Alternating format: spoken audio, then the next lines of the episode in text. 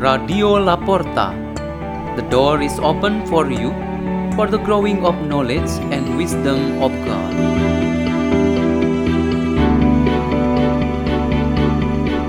Delivered by Natalia Christine and Ivanes from St. Peter's School in Jakarta, Indonesia.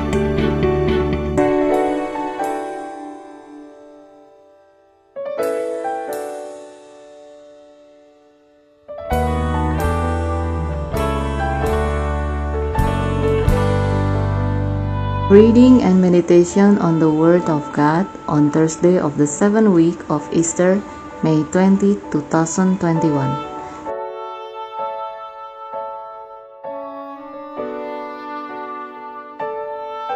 The reading is taken from the Holy Gospel according to John 17 20 to 26. Lifting up his eyes to heaven, Jesus prayed, saying, I pray not only for this, but also for those who will believe in me through their word, so that they may all be one, as you, Father, are in me and I in you, that they also may be in us, that the world may believe that you sent me. And I have given them the glory you gave me, so that they may be one, as we are one, I in them and you in me, that they may be brought to perfection as one, that the world may know that you sent me, and that you loved them even as you loved me. Father, they are your gift to me. I wish that where I am, they also may be with me, that they may see my glory that you gave me, because you loved me before the foundation of the world. Write this, Father. The world also doesn't know you, but I know you, and they know that you sent me. I made known to them your name, and I will make it known, that the love with which you loved me may be in them, and I in them. The Gospel of the Lord.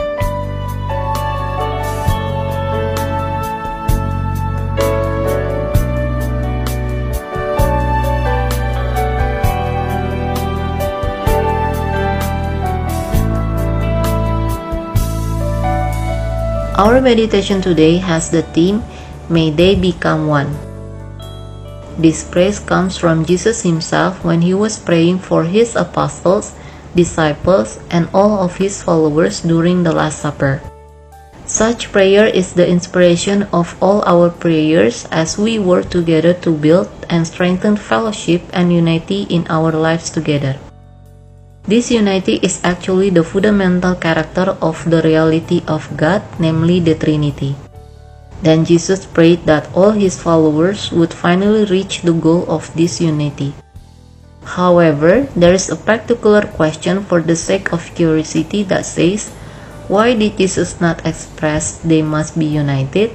Instead, he said, may they be united or may they become one?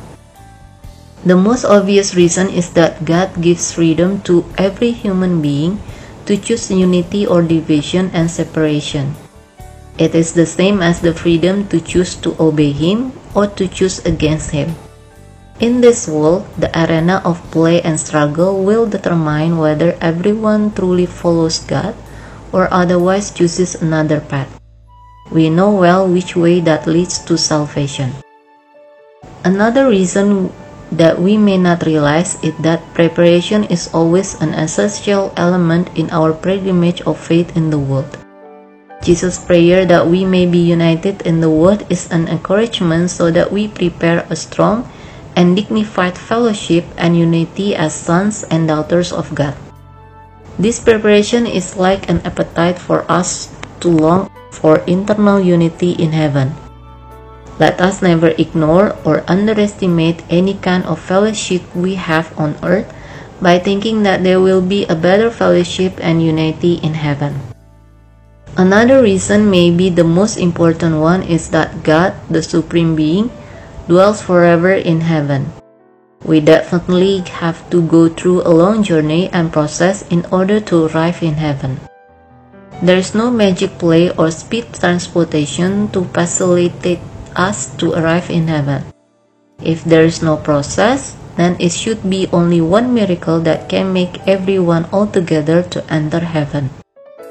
However, there must be a process, a journey, and a way of purification. Therefore, we should use this phrase that we may be united. In all our efforts for realizing that end, we certainly have hope to achieve it.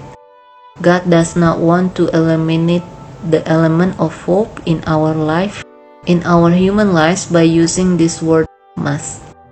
Hope is a very important element to our beings as humans. All our prayers clearly use the words hope or will and may or later because this is a real sign of our hope. Let us pray. In the name of Father and of the Son and of the Holy Spirit. Amen. Our Almighty God, to be one with you is our utmost hope. And may the Holy Spirit sent by your Son Jesus Christ unite us in this world in all our ways and situation as an anticipation for us to enjoy an eternal unity in heaven. Glory be to the Father, and to the Son, and to the Holy Spirit, as it was in the beginning, is now, and ever shall be, world without end. Amen. In the name of the Father, and of the Son, and of the Holy Spirit. Amen. Radio La Porta. The door is open for you.